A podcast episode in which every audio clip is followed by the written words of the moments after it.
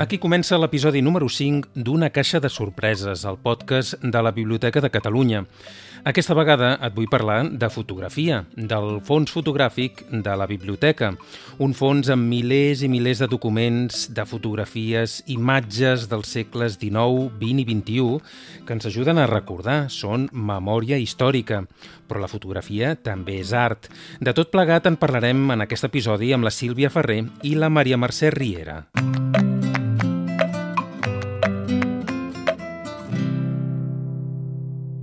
Una caixa de sorpreses, el podcast de la Biblioteca de Catalunya.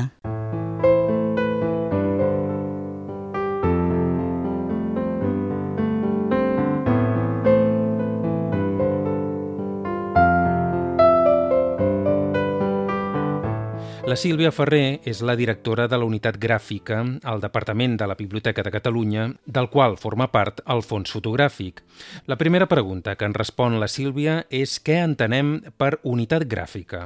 La unitat gràfica eh, està composada de diferents tipus de materials, o sigui, de documents, és molt heterogeni, ha documents molt heterogenis, molt diversos, i és tot el que, evidentment, és gràfic, la importància de la imatge val? respecte als llibres, respecte a altres tipus de documents. Llavors podem incloure des de cartells, fotografies, mapes, o sigui, tota la part de cartoteca, després eh, dibuixos, gravats, i material menor, o sigui, material una mica que canvia amb l'ús o que té una durada molt curta, eh? ja siguin que els cartells també estarien dins d'aquesta categoria. I llavors postals, llibres per eh, pintar, àlbums de cromos... O sigui que realment els tipus de documents que s'inclouen a la gràfica són molt diversos. Queda clar que la unitat gràfica conté documentació molt diversa, però si ens referim a la fotografia, més o menys de quina quantitat de documents estaríem parlant? A veure, estem parlant de 300.000 documents fotogràfics, val? Respecte al total de la, de la unitat, jo no sé si deu ser un, que deu ser un 20%, més o menys.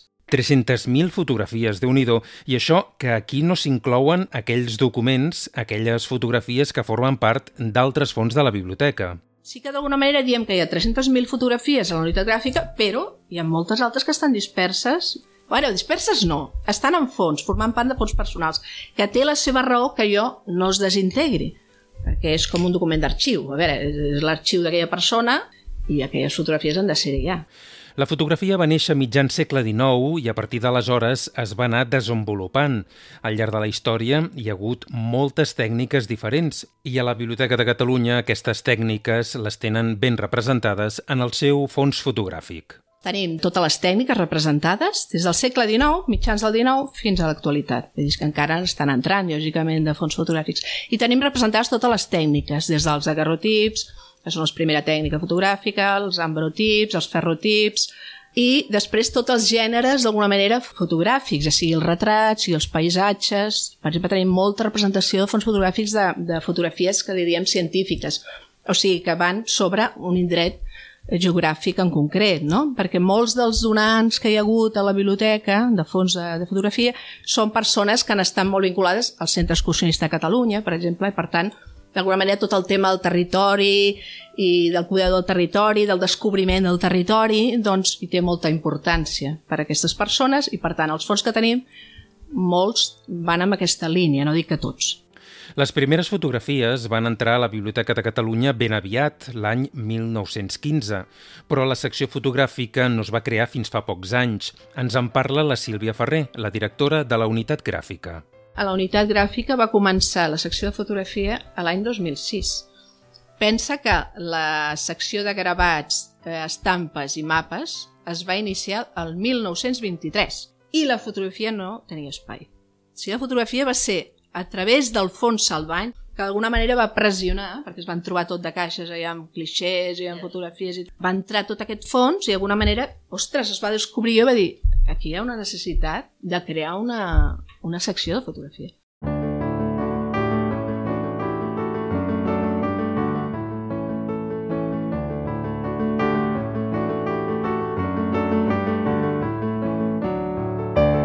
La Maria Mercè Riera és la persona responsable de la secció de fotografia de la Biblioteca de Catalunya. El primer que en recorda és que la Biblioteca de Catalunya també conserva fotografies. Potser es té la idea que en una biblioteca patrimonial, com és la Biblioteca de Catalunya, doncs la fotografia no hi té lloc.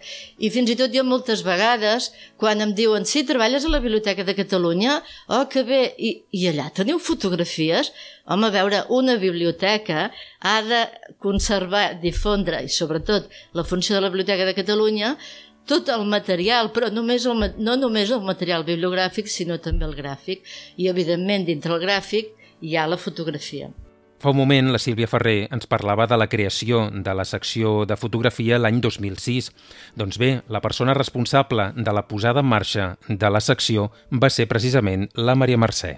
A mi m'agrada molt la, la fotografia, m'apassiona. Quan vaig arribar aquí, quan vaig veure la quantitat ingesta de material que hi havia i de material per processar, vaig quedar una mica col·lapsada d'entrada, però la veritat és que la col·laboració aquí va ser total i sobretot vaig tenir la sort de poder contactar amb el fotògraf de la biblioteca, el Ricard Marco, un gran expert en fotografia i junts vam poder fer un tàndem i vam poder començar a tirar endavant la secció gràcies a la seva expertesa, sincerament ell des del punt de vista d'expert en fotografia i jo des del punt de vista d'un bibliotecari, d'un documentalista que ha de catalogar un material. La posada en marxa de la secció fotogràfica neix a partir del fons del fotògraf Josep Salvany. Durant molts anys hi va haver molts fons que estaven com oblidats, plens de pols. O sigui, hi havia caixes que ningú no se li havia acudit descobrir què podia ser allò. I un dia el Ricard Marco va començar a veure totes aquelles caixes i va veure, a veure, què, què pot ser aquest fons? Van obrir i van descobrir que era un fons de clixés de vidre, o sigui, un fons fotogràfic, però en aquell moment desconeixien qui era l'autor, desconeixien la tècnica d'aquella fotografia, desconeixien tot.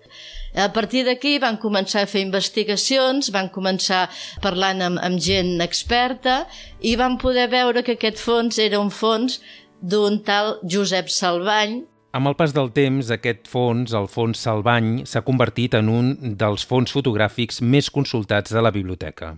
Tenim moltes consultes d'aquest fons i com que està digitalitzat i està a la memòria digital, doncs es pot consultar, perquè és evident que tots aquests fons històrics l'important de la conservació i la preservació és que l'usuari pugui consultar en forma digital. A veure, si un investigador et diu no, no, a mi realment m'interessa veure aquesta placa de vidre perquè doncs li ensenyes, però amb un procediment, o sigui, s'ha de posar uns guants, però si no, ho pots veure a través de la imatge digital.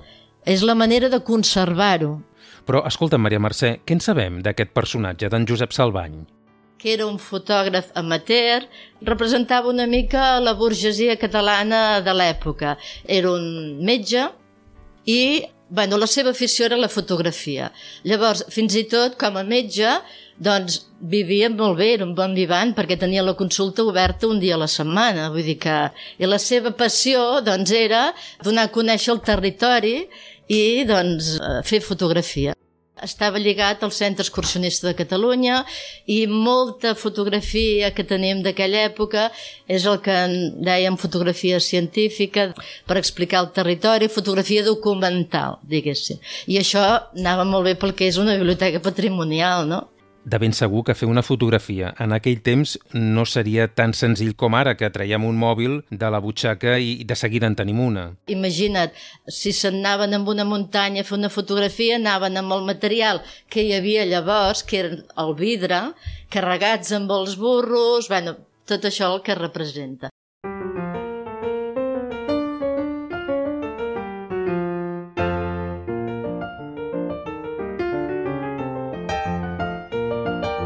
Parlat de la secció fotogràfica, que forma part de la unitat gràfica de la Biblioteca de Catalunya, també del fons fotogràfic Salvany, el fons que va generar la creació d'aquesta secció. I també hem parlat d'aquest personatge, de Josep Salvany, un metge gran amant de la fotografia, nascut a Martorell, per cert, i que va viure entre els anys 1866 i 1929. El fons fotogràfic de la biblioteca és molt ric i té procedències diverses. Potser, com a biblioteca patrimonial que som, eh, hi ha més representat el que és aquesta part històrica i patrimonial, però també, o sigui, també tenim fotografia de, de, de fotògrafs contemporanis, o sigui, tenim fotografies d'amateurs i fotografies de fotògrafs realment tècnics en fotografia. Eh, podem tenir fotografia de la Colita, del Vázquez Montalbán, d'en Català Pic... Intentar destacar algunes fotografies concretes entre els milers i milers de documents d'aquesta secció de la Biblioteca de Catalunya no és gens fàcil, i menys per un àudio de durada limitada com és un podcast, però ho intentarem. A veure, Maria Mercè, posa'ns alguns exemples significatius, sabent que són una petita representació de la riquesa que podem trobar a la teva secció. Per exemple, hi ha una fotografia del lloc on es va fundar el Futbol Club Barcelona, que eren un gimnàs en aquella època que era el gimnàs Soler. Aquesta fotografia es veu eh, gimnàs Soler i a davant es veuen carretons amb banyeres perquè portaven les banyeres perquè la gent es dutxés, diguéssim. Llavors, en aquest gimnàs, més tard, va ser on es va fundar el Futbol Club Barcelona. I aquesta fotografia la tenim exposada aquí amb un expositor. O sigui, són coses molt curioses que es desconeixen i que a través d'aquest patrimoni es pot mm, recuperar.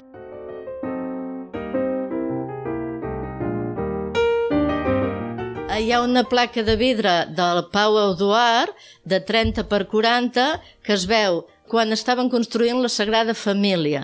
I es veu la Sagrada Família al fons i a davant és tot un descampat amb uns militars allà al davant.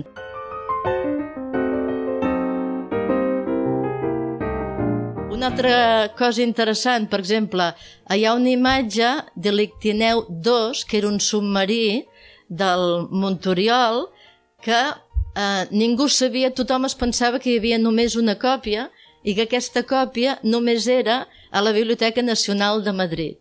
Llavors, gràcies a Ricard Marco, va descobrir, consultant altres obres del Montoriol, que aquí teníem una segona còpia.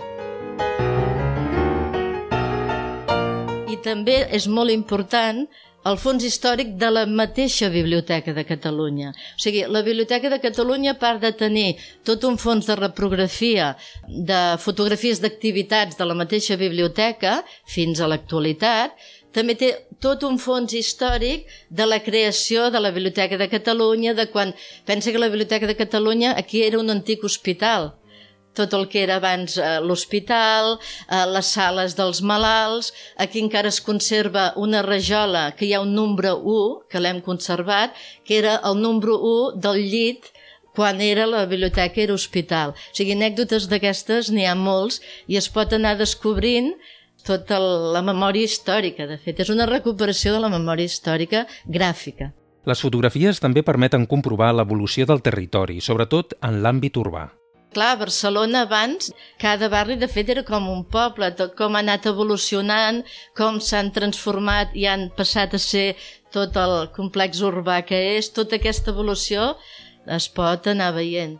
Per exemple, la desaparició de llocs que dius, ostres, ara no hi és, com puc saber jo, com puc informar que hi havia això? Doncs també, també, és memòria.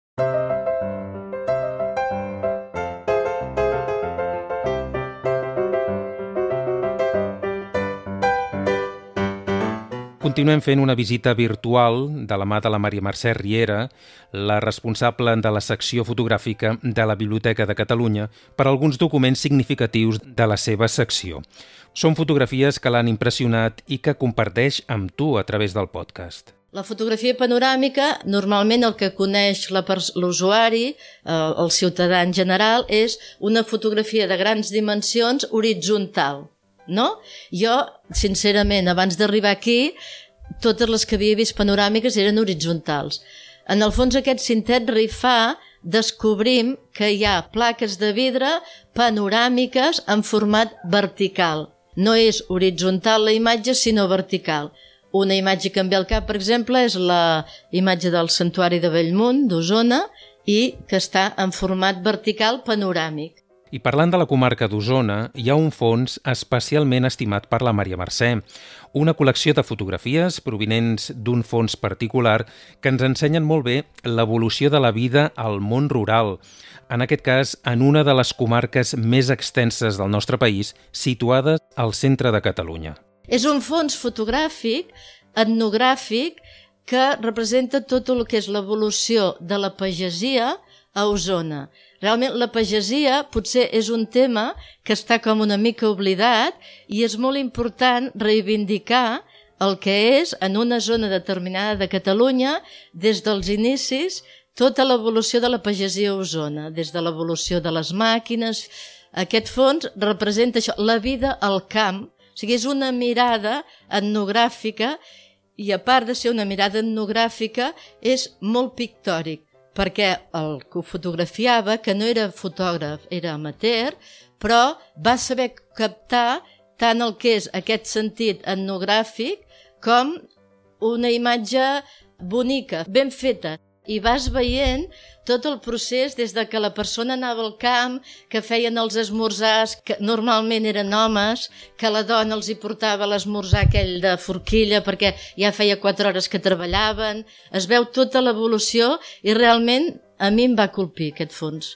Un altre tipus de fotografies és el que trobem en les postals. Doncs bé, la Biblioteca de Catalunya conserva també un ampli ventall de postals que permet comprovar l'evolució d'aquest format. La postal també és una imatge gràfica important i a través de la postal també pots veure l'evolució, no? Des del principi que les imatges ocupaven només una part de la postal i la gent escrivia al davant, tenim postals que estan escrites per davant i llavors pots determinar una mica també amb el mata segells de quina època són, i a darrere no estaven dividides com estan el que deia la targeta postal que hi havia en un cantó per posar l'adreça i l'altre per escriure aquestes primeres hi ha la imatge petita davant la gent escrivia davant i a darrere no estan partides i només hi posaven l'adreça que això també és un document històric perquè pots veure, anar veient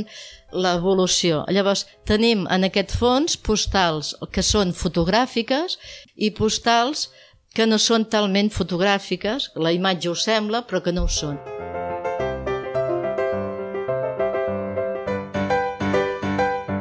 La Maria Mercè Riera ens recorda també que els fons fotogràfics de la Biblioteca de Catalunya tenen visibilitat exterior a través d'exposicions i n'hi ha una que recorda molt especialment, una mostra que ha voltat per diferents indrets. Abans aquí, al costat de la biblioteca, anàvem a esmorzar a l'Espai Mallorca, L'Espai Mallorca és un centre cultural, diguéssim. Llavors nosaltres sempre anàvem a esmorzar allà. Ens vam fer molt propers amb, amb la gent d'allà, la gent que portava al centre, i un dia parlant no sé què de Mallorca, d'imatges de Mallorca, nosaltres vam dir, home, a la biblioteca tenim moltes imatges de Mallorca i no només d'un fons fotogràfic, sinó de molts fons fotogràfics. I vam començar així, vam començar a pensar, vam dir, home, doncs potser podríem fer alguna cosa al respecte.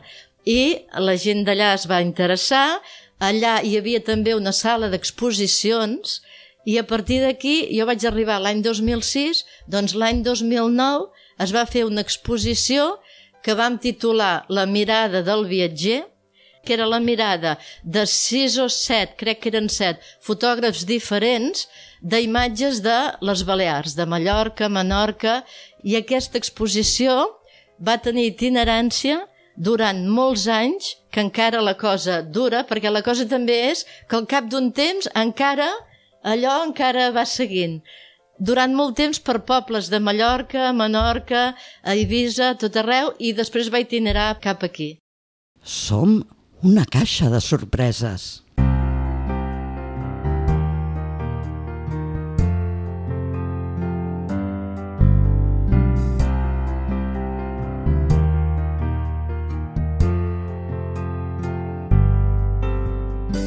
Després d'aquesta passejada per algunes de les fotografies i reculls fotogràfics que es conserven a la Biblioteca de Catalunya, tornem a la directora de la unitat gràfica, la Sílvia Ferrer, per preguntar-li si podem tenir accés a tot aquest material.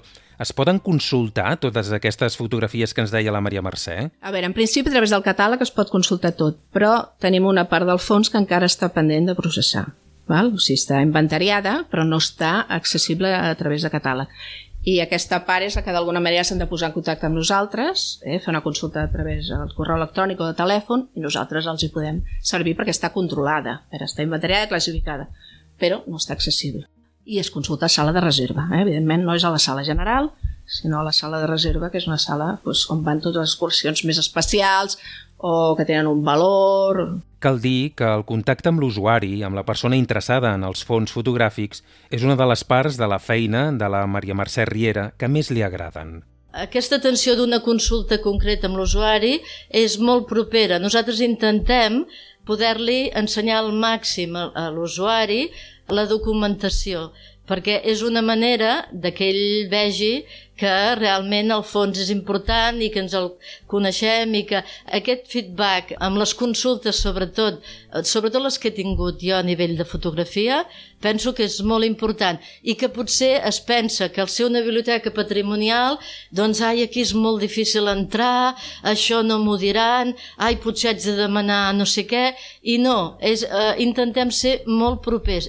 Una bona part dels fons de la secció fotogràfica de la biblioteca és consultable a través d'internet. Llavors, s'ha digitalitzat una part d'aquest fons. Va molt bé perquè tota la part de preservació és molt important, la part de conservació preventiva de les fotografies, perquè és un material molt delicat i, per tant, quan menys es manipula, molt millor, doncs es pot consultar a través de la, de la memòria digital de Catalunya. La memòria digital de Catalunya hi ha una sèrie d'institucions que hi formen part i cada una de les institucions té uns fons mm, digitalitzats i publicats, perquè no tot el que es digitalitza, d'alguna manera, es publica o sigui, a la, memòria digital. Hi ha coses que estan digitalitzades que a través de la web ho poden buscar com a fons digitalitzats, però que no els trobaran a la memòria digital. Val? I així per drets d'autor, i així per qüestions diverses. Llavors sí que hi ha una part important a la memòria digital, però n'hi ha una part més important que està digitalitzada però no està a memòria digital de Catalunya. La Memòria Digital de Catalunya és un repositori que permet consultar de manera lliure, a través d'internet, col·leccions digitalitzades relacionades amb Catalunya i el seu patrimoni. Aquestes col·leccions provenen de diverses institucions catalanes, entre les quals hi ha la Biblioteca Nacional de Catalunya.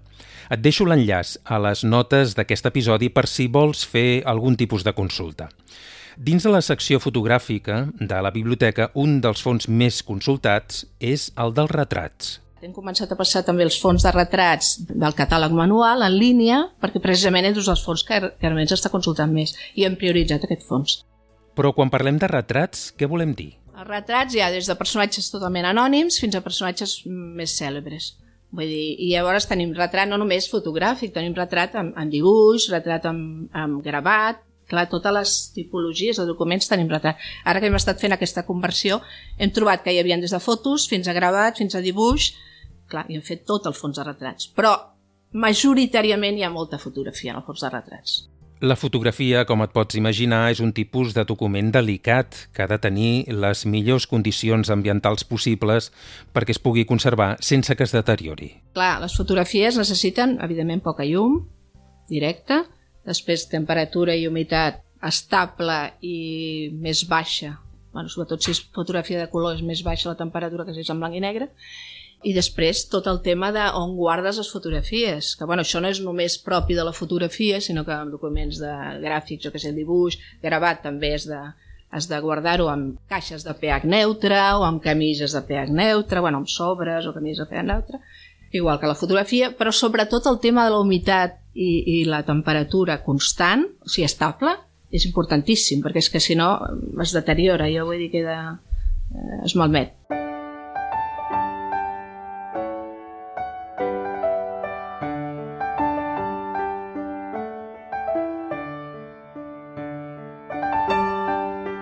Fa una estona la Maria Mercè Riera ens parlava d'aquella exposició formada per imatges de les Illes Balears provinents de la secció fotogràfica.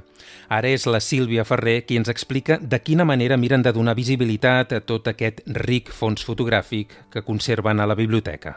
La manera que tenim d'ensenyar els fons és a través d'exposicions, a través del tema del blog, els apunts del blog que també s'explica algun fons determinat o algun autor, això, conferències. Al voltant de les exposicions normalment es fa una, una conferència o es fa algun tipus d'activitat eh, per promocionar una mica l'exposició.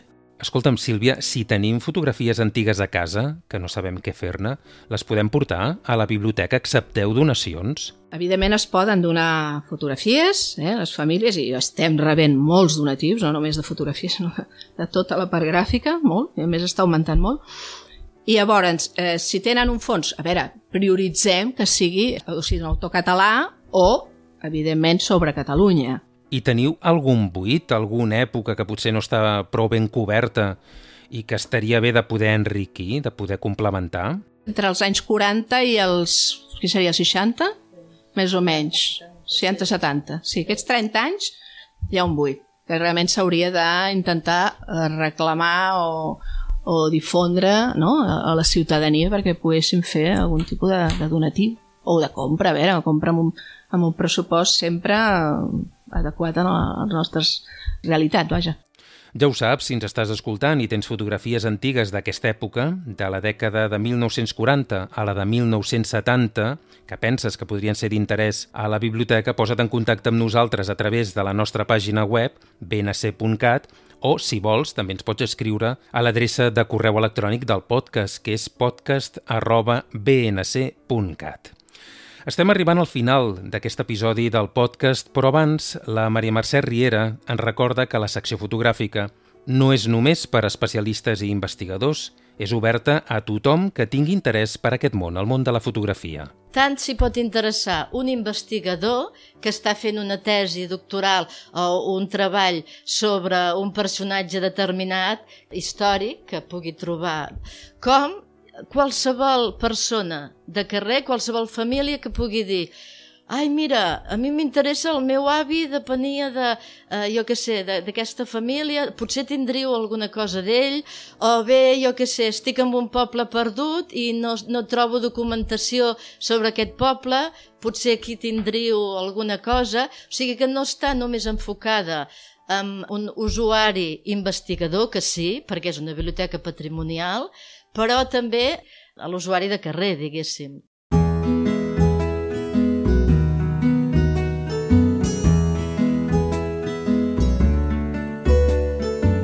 Fins aquí el cinquè episodi d'Una caixa de sorpreses, el podcast de la Biblioteca de Catalunya. Si vols ampliar tot el que ens han explicat, tant la Sílvia Ferrer com la Maria Mercè Riera, t'hem preparat un seguit d'enllaços que trobaràs a l'apartat del podcast de la pàgina web de la biblioteca. L'adreça és bnc.cat podcast.